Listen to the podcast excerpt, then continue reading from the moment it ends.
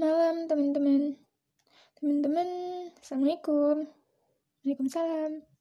Teman-teman pernah kepikiran gak sih pas sakit? Ternyata sehat itu sesuatu yang nikmat banget. Waktu sehat ya, kita bisa melakukan banyak hal yang sepertinya mungkin biasa-biasa aja, karena itu sebuah rutinitas. Tapi saat kita sakit, jadi gak mood buat berutinitas normal kan? Apalagi kalau kita tipe yang moody bahkan mungkin itu baru sakit biasa rasanya udah galau, pusing tujuh keliling, dan gak bisa ngapa-ngapain dengan benar.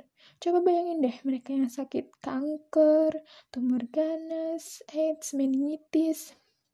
Mungkin sebagian besar dari mereka hanya berharap waktu segera berlalu. Aku ingat pas aku sakit gigi. Yang kuharapkan adalah kapan lusa tiba dengan asumsi bahwa lusa aku bisa sembuh karena banyak hal yang harus kukerjakan. Itu baru sakit gigi.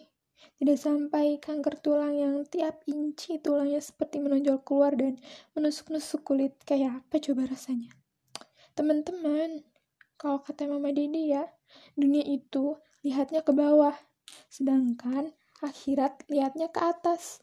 Jangan kebalik, nanti berabe loh yang lebih gak beruntung dari kita, agar kita bisa bersyukur. Contohnya nih, saat kita ngeluh, ah kok badanku hitam sih, kok hidungku rata, gigiku ompong, mataku jiring. Hei, coba deh terapin. Dunia itu lihatnya ke bawah, yang lebih gak beruntung dari kita, dan dunia itu hanya sementara. Apain terlalu dipikirin? Just focus to your goal in the world.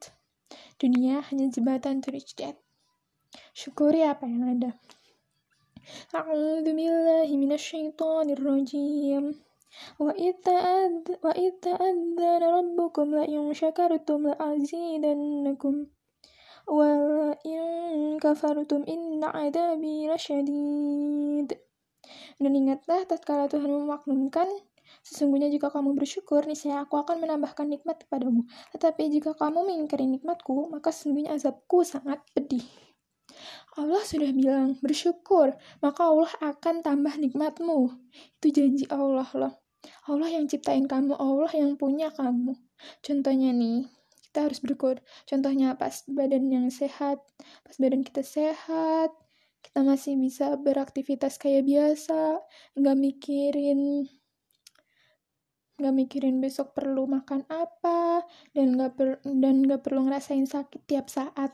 Itu suatu nikmat yang mungkin bagi kamu nggak kerasa. Tapi kalau dicabut gimana coba rasanya? Sehat itu nikmat yang nggak ada taranya. Bisa nafas normal punya mata yang bisa melihat dengan jelas. Hidung dengan lubang-lubang yang terbuka sempurna nggak ada polip.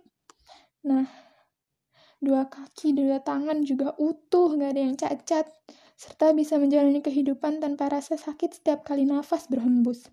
Ada orang yang diuji Allah dengan dicabutnya kenikmatan-kenikmatan yang bagimu yang biasa-biasa aja. Maka dari itu, syukurilah apa yang kita punya saat ini. Jangan sampai Allah cabut dulu kenikmatan-kenikmatan itu, baru kamu bisa bersyukur dengan keadaan sekarang. Bersyukurlah. Dunia lihatnya ke bawah, akhirat lihatnya ke atas. Memang deh. Sekian dan terima kasih. Allah alam biswab. Assalamualaikum warahmatullahi wabarakatuh. Waalaikumsalam warahmatullahi wabarakatuh.